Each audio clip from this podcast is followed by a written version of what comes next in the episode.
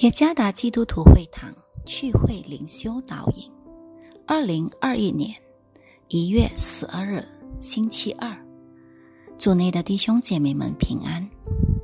今天的灵修导引，我们将会借着圣经历代志下二十六章第一到十五节来思想今天的主题：上帝使他亨通。作者。彭卫果牧师，历代志下二十六章第一节：犹大众民立亚玛谢的儿子乌西亚，又名亚沙利亚，继续他父作王。那时他年十六岁。亚玛谢与他列祖同岁之后，乌西亚收回以路，仍归犹大。又重新修理。乌西亚登基的时候年十六岁，在耶路撒冷做王五十二年。他母亲名叫耶可利亚，是耶路撒冷人。乌西亚行耶和华眼中看为正的事，效法他父亚玛谢一切所行的。通晓神末世撒加利亚在世的时候，乌西亚定义寻求神，他寻求耶和华神，就使他亨通。他出去攻击费利士人，拆毁了加特城、亚比尼城和亚士兔城，在费利士人中，在亚士兔境内。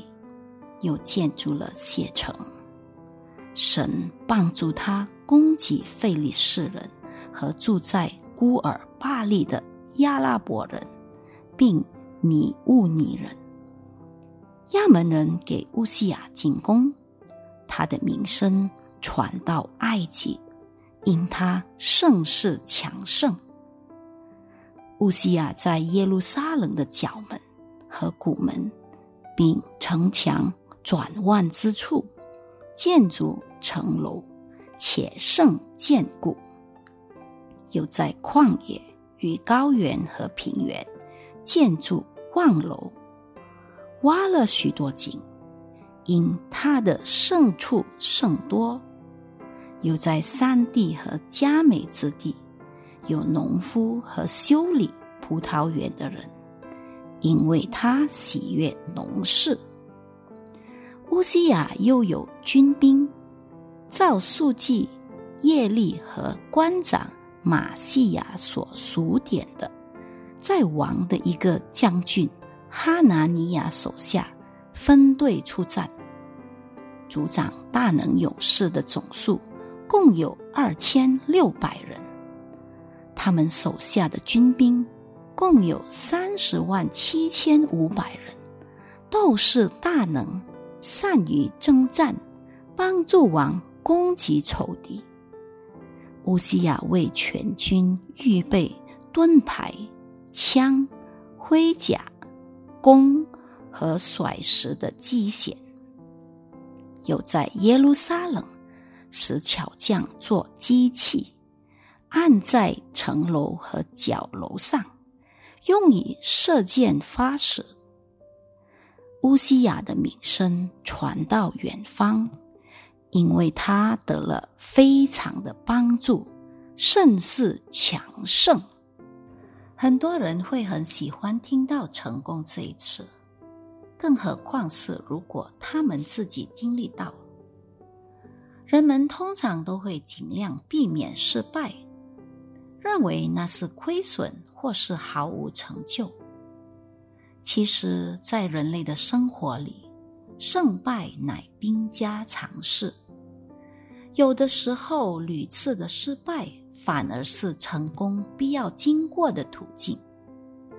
最关键的还是那个人是否能 finishing well，打完那美好的仗呢？我们今天灵修经文是关于乌西亚王继承他父。亚玛谢作王的技术，乌西亚王之所以能蒙福兴旺，都是因为上帝大大的帮助。其他原因是他自己对神的回应，也有导师在他身旁教导他。历代之下二十六章第四到第八节，上帝就使他亨通。乌西亚王所行的都是在回应上帝的帮助。乌西亚定义寻求神以及敬畏上帝，这都是因为有撒加利亚的教导。历代之下二十六章第五节，乌西亚效法他父亲所行，上帝眼中看为正的事。第四节，但是决定他是否能亨通的乃是上帝。然后他也必须好好的来回应上帝所赐予他的一切。倘若乌西亚没有好好的回应上帝，他可能会遭遇到失败。在这种情况之下，每个人都有应当的角色和责任。